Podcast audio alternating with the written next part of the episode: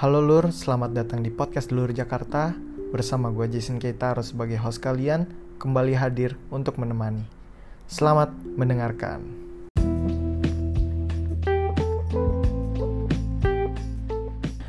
Oke, halo teman-teman. Jadi selamat berjumpa lagi di podcast Lur Jakarta. Apa kabar kalian semua? Apa kabar kalian yang di rumah? Yang lagi di hotel, di rumah saudara atau di mana pun Semoga keadaan kalian baik-baik saja. Jadi mm, udah berapa udah mulai berapa hari ya? Berapa hari apa udah seminggu gua nggak upload hmm, podcast ini. Jadi hmm, karena sering di rumah gara-gara virus corona ini banyak keresahan yang gue rasakan teman-teman. Salah satunya keresahan karena wah gue ngerasa nih dunia makin lama makin kacau teman-teman lagi belakangan ini tuh kayak dunia tuh banyak banget masalah. Mulai dari virus mulai dari ekonomi yang jelas mulai dari apa ya karir. Terus kalau gue sebagai atlet jadi gue nggak bisa uh, latihan yang maksimal gitu latihan yang bisa semangat gitu ketemu banyak teman-teman. Ya latihan seadanya aja di rumah terus kayak gaji mungkin gaji yang uh, tidak turun tidak keluar. Banyak sekali masalah teman-teman. Terus yang belakangan menjadi keresahan gue adalah berapa hari ini gue tuh ngeliatin TikTok kan Instagram story orang Twitter juga sekali-sekali. Gue ngeliat yang ini kalian tahu kan teman-teman yang kasus Black Lives Matter tahu kan? Ah itu menjadi suatu pandemi baru bagi uh, Amerika khususnya negara Amerika. Dan itu menambah masalah banyak pihak kan. Jadi di episode kali ini uh, yang mau gue bahas sebenarnya bukan di Black Lives Matter-nya. Jadi gue lebih mau bahas ke rasismenya.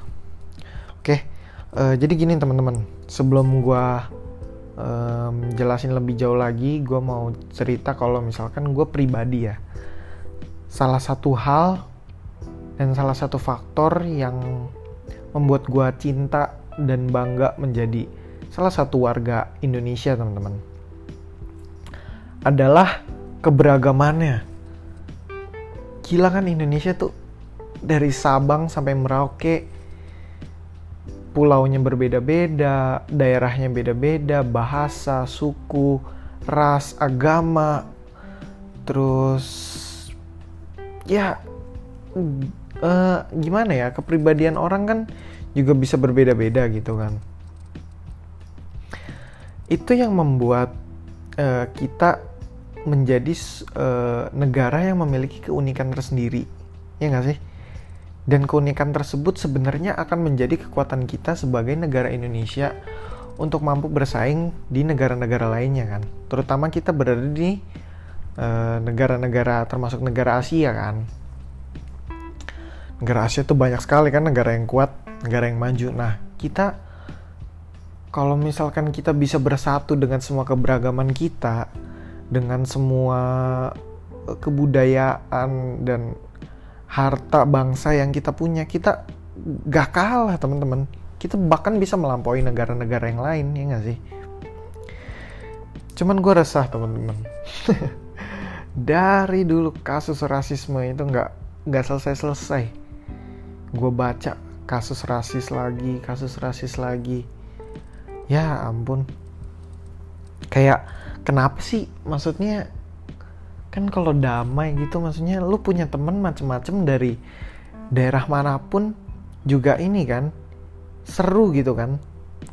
Terus eh, kebiasaannya mereka terus cara berbicaranya mereka kan kita juga bisa uh, mempelajari gitu. Kayak misalkan gue punya teman misalkan ya gue punya teman orang orang Batak gitu kan. Kan orang Batak kan kalau ngomong kan uh, cenderung keras terus uh, orangnya seperti apa karakter orang Batak seperti apa kan gue bisa oh lu uh, orangnya kayak gini ya kalau orang Batak tuh kayak gini ya. Kan kita jadi tahu kan harta yang kita punya sebagai negara Indonesia kan. Jadi di sini gue mau bahas ini dulu deh Black Lives Matter ya yang lagi booming. Sebelumnya gue mau jelasin dulu teman-teman apa itu Black Lives Matter bagi teman-teman yang belum tahu kalau kalian sering lihat tapi apa sih ini Black Lives Matter nih gara-gara apa? Kalian taunya kan orang hitam gitu kan protestan. Eh protestan kok. Apa? Iya bener ya protestan ya. Yang orang-orang suka protes itu. Protestan kan ya? Nah ya gitu deh. Pokoknya orang orang berkulit hitam maksud saya ya. Maaf kalau ada salah-salah kata. Saya uh, gua ini ya apa namanya berusaha research dari internet dan tidak berdasarkan kesoktahuan gua. Jadi gua berusaha research dari internet biar uh, gua nggak salah gitu ya. Maaf juga kalau misalkan gua ada salah-salah kata. Uh, jadi gini gue mau jelasin kalau Black Lives Matter adalah sebuah gerakan aktivis internasional teman-teman yang dimulai dari komunitas Afrika Amerika. Kalian tahu Afrika Amerika kan? African American itu yang orang-orang berkulit hitam yang tinggal di Amerika gitu lah uh, mereka yang aktif dalam menentang kekerasan maupun rasis rasisme sistemik terhadap orang berkulit hitam. Intinya seperti itu Black Lives Matter. Gara-gara kasus ini Black Lives Matter yang gara-gara George Floyd, Netflix sampai Twitter sampai menyuarakan uh, kampanye lah gitu, jadi bikin hashtag Black Lives Matter gitu di Twitter, di sosmed-sosmed dan platform-platform lainnya gitu kan.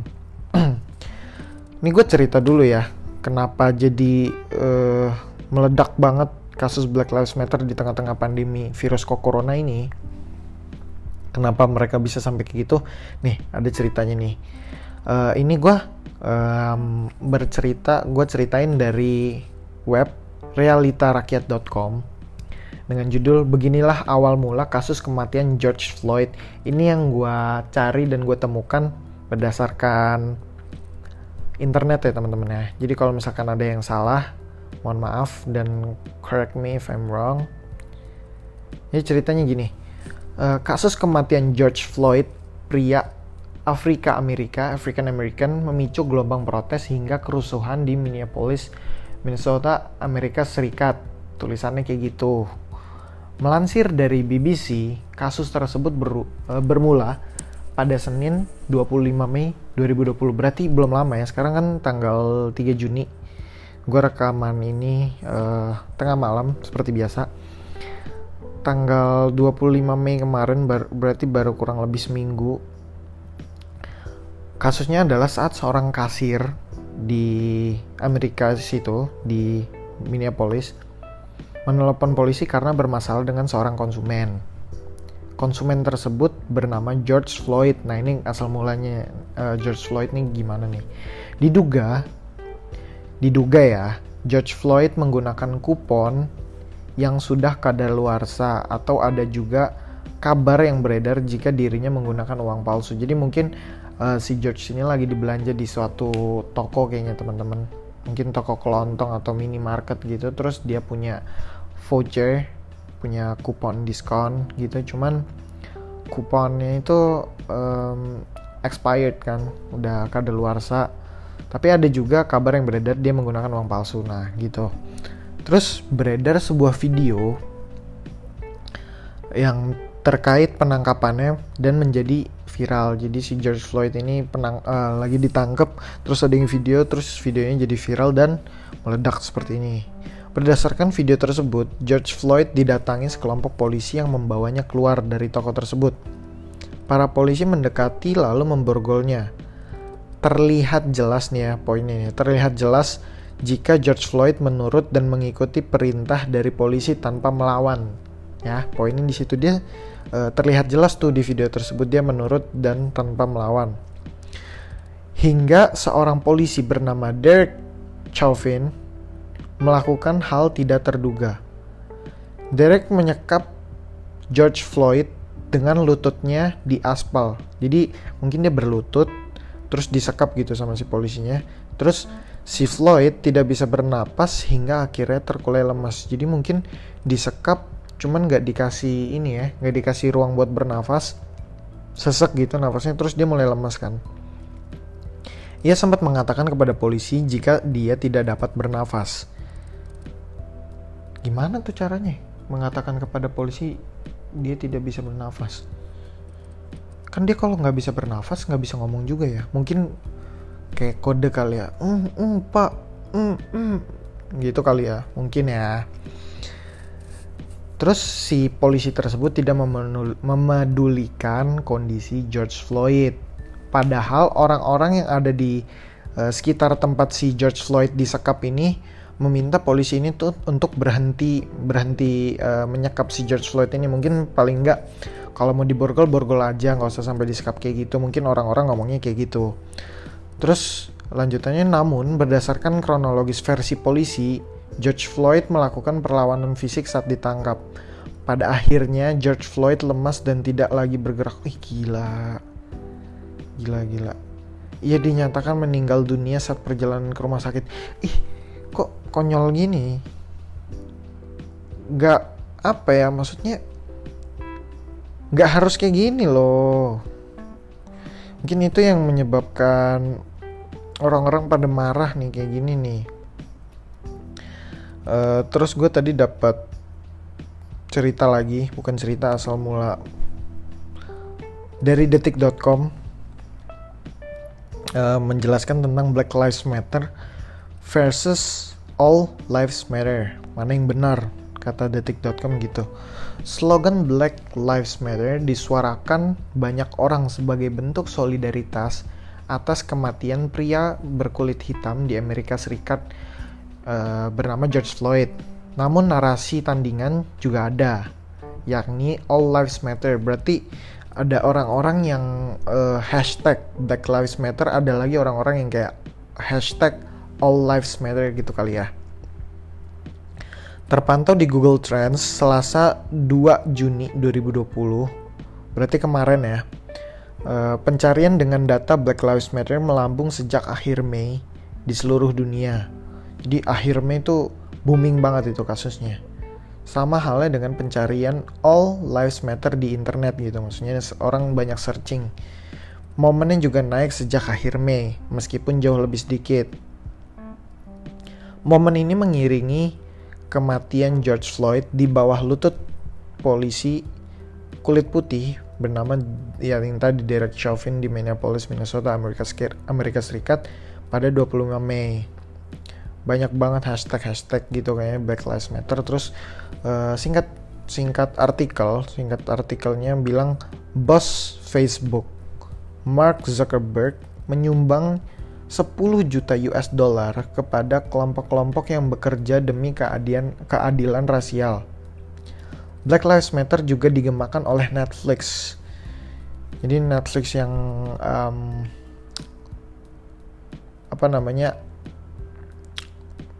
software bukan software ya pokoknya platform-platform yang menyediakan banyak-banyak series movie dan lain-lain itu uh, dia ikut menyuarakan yang namanya Black Lives Matter itu. Kampanye ikut kampanye lah kayak gitu. Terus dilansir The Guardian gerakan The Black Lives Matter atau disingkat sebagai BLM dimulai pada 2013 oleh Alicia Garza Patrice Colors dan Opal Tometi. Sorry kalau misalkan gue salah bacanya punya kayak gitu tulisannya. Saat itu ada kasus bernuansa rasial yakni membunuh remaja kulit hitam Amerika Serikat bernama Trayvon Martin oleh George Zimmerman eh susah benar namanya pada 2012 selanjutnya terjadi kematian dua orang kulit hitam di Amerika Serikat yakni Michael Brown dan Eric Garner di tangan polisi pada 2014. Gerakan BLM menjadi yayasan di Amerika Serikat, Inggris, dan Kanada. Wah, oh, jadi udah banyak sekali ya teman-teman. Banyak banget kasus-kasus uh, rasial yang terutama yang di disebabkan oleh tangan polisi. Ceritanya di sini. Gue di sini ya sebagai orang Indonesia yang tidak berada di negara Amerika Serikat gitu gue ngeliat ya wah gila ini tengah-tengah pandemi kayak gini kan harusnya orang-orang saling menjaga jarak terus saling support satu sama lain malah tambah kacau. Gue lihat tuh yang salah di sini tuh juga bahkan bukan polisinya doang kan di sini kan yang di, diceritakan di hashtag Black Lives Matter ini kan seakan-akan yang salah kan si polisinya. Jadi uh, semua orang kulit hitam ini jadi maaf ya maksudnya orang-orang berkulit hitam di Amerika Serikat banyak yang uh, apa ya bentrok gitu sama polisi kan terus gue lihat banyak banget orang-orang yang berkulit hitam juga di Amerika Serikat itu malah protesnya itu jadi kayak ikut-ikutan teman-teman. Ini menurut pendapat gue ya.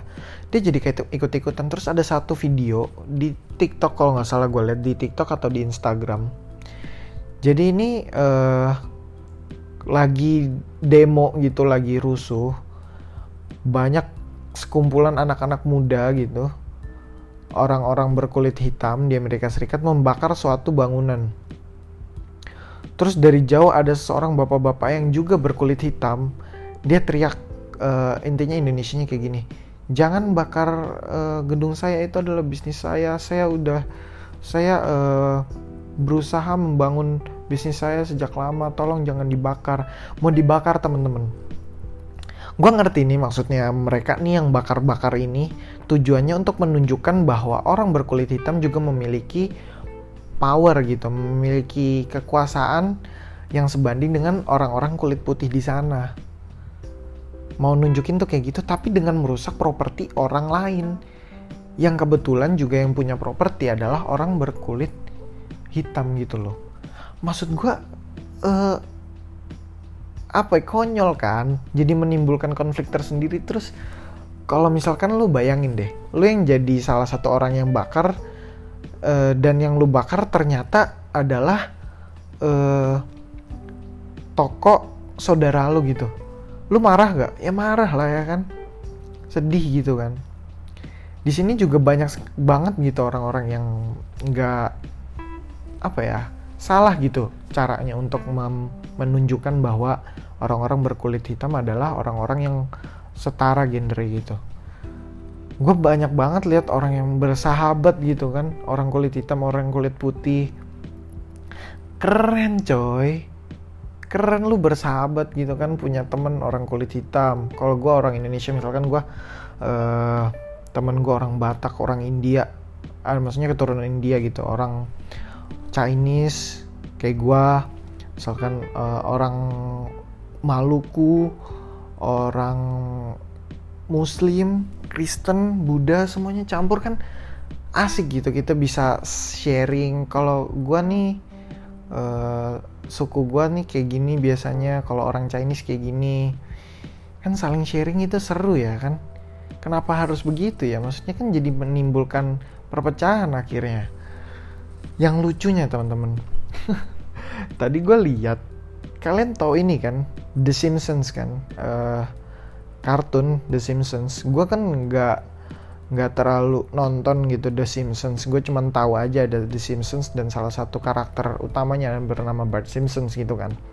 Ternyata di salah satu episode The Simpsons itu ada menunjukkan uh, suatu scene adegan di mana me menggambarkan kondisi Black Lives Matter yang terjadi sekarang ini kalian tahu kan konspirasinya yang ke si uh, Bart Simpsons eh bukan Bart Simpsons maksudnya kartun The Simpsons ini banyak meramalkan kejadian di masa depan gitu kan. Kayak Donald Trump yang sekarang jadi presiden ternyata udah diramalkan sama si The Simpsons ini di salah satu episode kartunnya mereka. Eh gue pikir gila The Simpsons bisa banyak banget yang mereka prediksi dan terjadi gitu. Terus kalau nggak salah ya satu lagi ada kasus korupsi atau apa gitu deh. Gue nggak terlalu ngikutin deh pokoknya kayak gila kok bisa sampai kayak gitu? Yang paling banyak loh dia. Terus gue mau bahas lagi teman-teman. Tadi gue lihat uh, story teman gue temen gue ada story di Instagram. Yang storynya itu isinya ada interview dengan empat orang mahasiswa Papua yang uh, berkuliah di kota besar di Pulau Jawa gitu di ada yang di Surabaya ada yang di Jakarta kalau nggak salah. Pokoknya empat orang. Terus di situ dia menjelaskan uh, mereka menjelaskan kalau mereka sering sekali di kota-kota besar ini termasuk Jakarta gitu ya mereka sering banget dikucilkan sering banget dikatain gitu sering banget dibilang hal-hal yang menyangkut dengan rasisme. Kayak maksud gue tuh uh, lu kenapa sih lu ber, uh, apa bersikap rasialis tuh kenapa? Lu maksudnya lu merasa kalau lu tuh yang udah meras lu tuh yang udah menempati negara Indonesia lebih awal gitu lu nggak tahu kan maksudnya siapa yang lebih awal? Gua rasa nih malah kita semua nggak ada yang menduduki di Indonesia sejak awal. Beda kalau kayak negara Amerika Serikat gitu jelas ada Indians kan suku Indians. Apache Apache. Gua nggak tahu bacanya Apache kayak Apache. Nah kalau Indonesia tuh nggak jelas gitu suku sukunya tuh kalau di mundur-mundurin lagi bisa jadi malah orang Papua ya lebih dulu dibandingkan orang yang ngatain dia gitu. Mereka katanya sering banget dibilang orang Papua itu monyet. Ih gila coy. Gila banget. Gue sih kalau jadi jadi mereka dibilang kayak gitu sedihnya luar biasa. Gue denger aja kayak mau nangis gue serius gue sedih kita bersahabat aja lah. Kita sama-sama orang Indonesia. Kita sama-sama mencintai tanah air Indonesia. Terus kita sama-sama bangga dengan yang namanya merah putih yang udah sulit banget kita perjuangkan kan dulu. Kalian semua tahu kan kalian semua belajar sejarah kan? Sulit sekali kita mendapatkan persatuan yang kita tahu sekarang yang bernama Indonesia kan? Yes namanya negara kan setiap negara ada masalah kita benahin satu-satu. Dan ini yang untuk uh, di kehidupan sehari-hari gue banyak gue denger ya ini kasus-kasus rasis seperti ini. Kok bisa sampai kayak gitu? Uh, gue ceritain ya yang orang Papua itu kok nggak salah tam, uh, tahun 2019 kasusnya. Gue dari Google ini tirto.id webnya. Judulnya Siklus Rasisme Terhadap Mahasiswa Papua. Uh, ekses rasisme terhadap mahasiswa Papua di Jawa tak pernah siap dikendalikan oleh pemerintah Indonesia sendiri di Jakarta. Pada Senin uh, eh, 19 Agustus, dua hari setelah negara ini merayakan kemenangannya ke-74, gelombang orang Papua menumpahkan kecewaannya di Jayapura, ibu kota Papua dan di Manokwari ibu kota Papua Barat, serta kota Sorong. Di Jayapura, lautan manusia berdemo di jalan uh, berdemo jalan kaki sepanjang 18 km dari Waena, pusat keramaian di kota itu, menuju kantor gubernur, menuntut rasialisme terhadap orang Papua harus di, dihentikan. Gubernur Papua Lukas NMB bahkan tegas berkata bahwa kami bukan bangsa monyet kami manusia.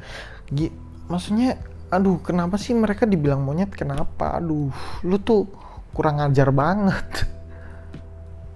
Temenan aja lah temenan. Kita bersaudara coy. Kita sama-sama manusia punya uh, dua mata satu hidung satu mulut dua telinga. Kita semua sama kita semua makan nasi. Uh, kita butuh makan kita butuh uh, pencernaan kita butuh bersosialisasi semua yang kita punya tuh dari Sabang sampai Merauke itu kita sama. Bahkan kita mungkin sama-sama suka Indomie kan? Indomie memang mempersatukan kita semua coy. Bukan sponsor ya. Indomie emang dari Sabang sampai Merauke. Terus gue lanjutin ya. Di Manokwari situasinya lebih panas. Gedung parlemen daerah dibakar. Gila dibakar. Gila ini orang Papuanya juga salah sih ini nih yang gue nggak suka nih dengan memprotes bahwa uh, mereka tuh nggak suka mereka kecewa mereka malah menimbulkan masalah yang lain aduh. Terus melumpuhkan aktivitas dan mobilitas warga malah merugikan orang lain. Sama aja dong akhirnya dia merugikan orang lain juga. Di Sorong, sebuah kota pantai di ujung kepala burung Papua, fasilitas publik seperti bandara dirusak. No, kan fasilitas publik itu kan bukan punya lu ya, punya publik. Fasilitas yang semua orang bisa datangi gitu dirusak. Mobil-mobil di lahan aduh, mobil-mobil di lahan parkir bandara dirusak. Nah, kan jadi kayak gini kan.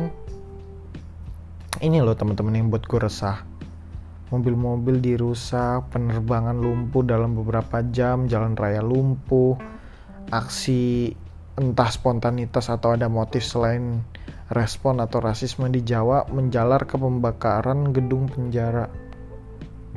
Ya kan? Orang Indonesia jadinya kenapa sampai mikirnya sampai kayak gitu ya?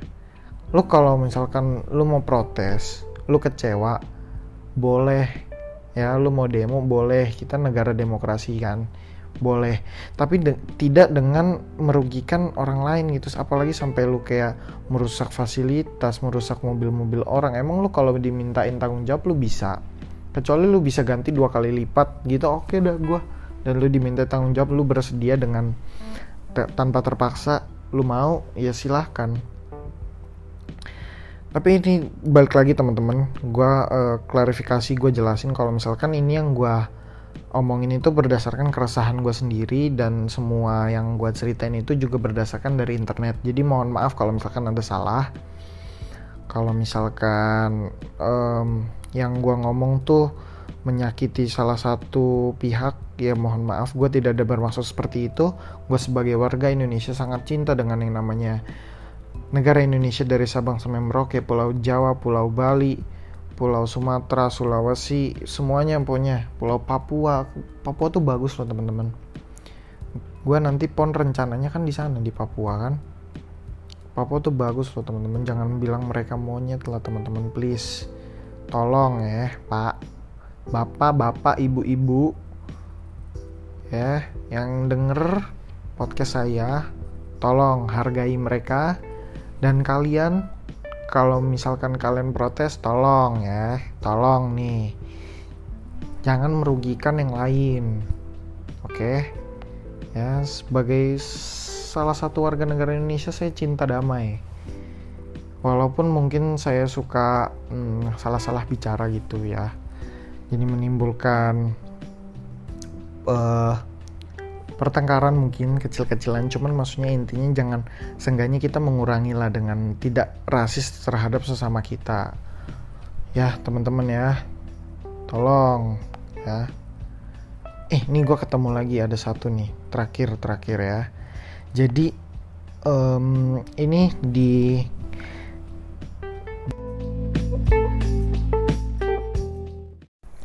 jadi ada orang-orang berkumpul teman-teman demonstran di hadapan polisi-polisi yang uh, bertugas di Amerika Serikat itu. Jadi kan di sini konteksnya kan uh, di hashtag Black Lives Matter ini kan untuk menentang polisi yang itu kan yang bersikap rasisme terhadap orang berkulit hitam kan. Jadi yang gue nonton ini jadi videonya kayak gini.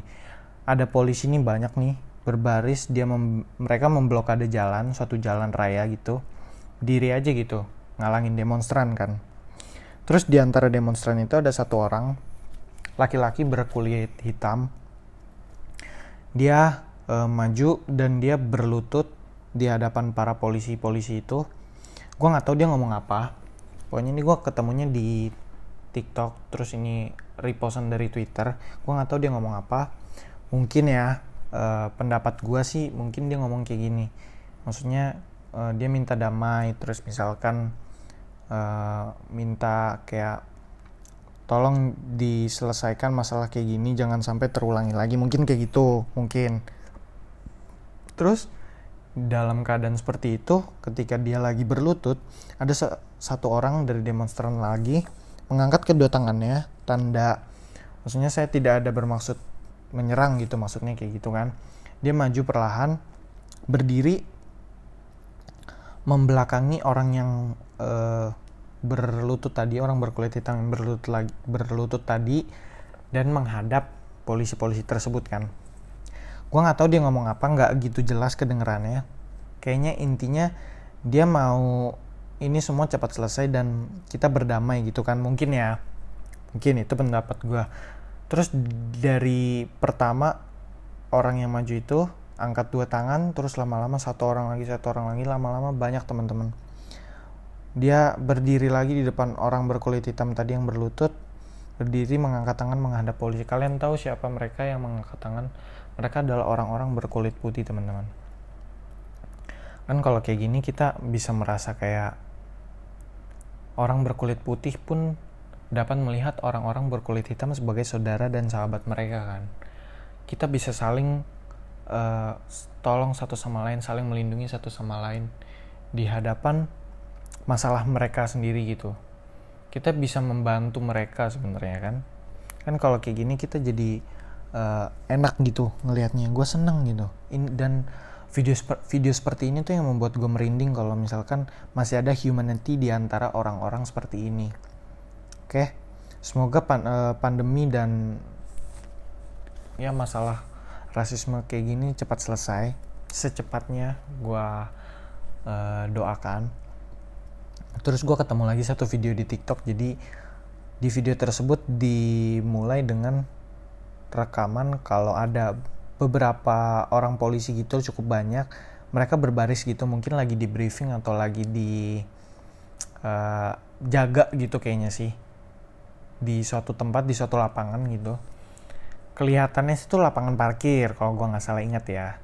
Terus uh, video tersebut dilanjutkan dengan ada satu orang berkulit hitam di videoin temennya lah gitu. Dia maju ke arah kerumunan polisi tersebut yang lagi berbaris. Terus kalian tahu dia bawa apa? Dia bawa air mineral teman-teman banyak gitu satu dus bukan satu dus sih satu plastik gitu yang isinya e, banyak taruh di depannya terus dia bukain plastiknya biar mereka yang para polisi itu gampang ngambil ya kan terus dia bilang I know you all thirsty gitu kan. Aku tahu kalian semua haus. Aku tahu kalian hanya menjalankan tugas kalian uh, dan kami uh, dan saya terutama katanya kok nggak salah ya kurang lebih dia ngomong sangat berterima kasih bla bla bla bla bla bla bla dia ngomong terus polisi tersebut yang dari awalnya cuman ngeliatin ini orang ngapain di depan mereka akhirnya tersenyum dan mereka bareng-bareng ngomong thank you ke dia. Ya kebanyakan polisi tersebut berkulit putih dan orang ini yang ngasih minum itu berkulit hitam. Kan kalau kayak gitu kan indah ya teman-teman ngeliatnya. Seneng gak sih?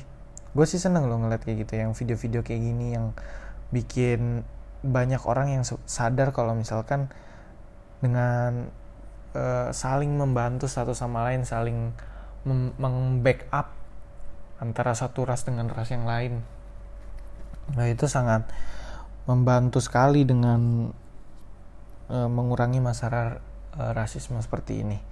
Oke teman-teman, uh, saran gue di sini sih maksudnya uh, tolong jangan bersikap rasisme terhadap kalian, eh teman kalian yang maksudnya mungkin ber berasal dari daerah lain, daerah yang uh, jauh dari kalian dan berbeda, mungkin dari daerah Papua, daerah Aceh mungkin, pokoknya yang berbeda dengan kalian hargailah dan bersahabatlah dengan mereka. Karena itu salah satu kunci di mana kita bisa menguatkan satu sama lain. Oke, gue sebagai negara Indonesia sangat suka kalau misalkan gue punya teman dari orang Papua kayak, hey, apa kabar kau? Ya kan asik gitu kan satu sama lain. Terus dia, iya, kau juga bagaimana? Mungkin, ya, mungkin kan kayak gitu kan. Nah, uh, seneng aja gitu kalau misalkan punya teman dari beda suku kan saling tolong menolong ya teman-teman antara satu sama lain dan tingkatkan humanity yang kita punya di dalam diri kita oke okay? gue nggak bisa terlalu lama teman-teman karena besok gue ada besok ntar pagi sih ntar pagi gue ada kelas. Jadi gue cuman bisa ngomong sampai sini. Dan ingat ya teman-teman saran gue semoga uh, dan gue doakan juga semoga pandemi corona ini cepat berakhir masalah-masalah dunia cepat selesai cepat berkurang lah intensitasnya paling enggak Oke, uh, sampai berjumpa lagi di episode-episode berikutnya. Stay tune teman-teman untuk uh, topik-topik berikutnya yang akan gue bahas.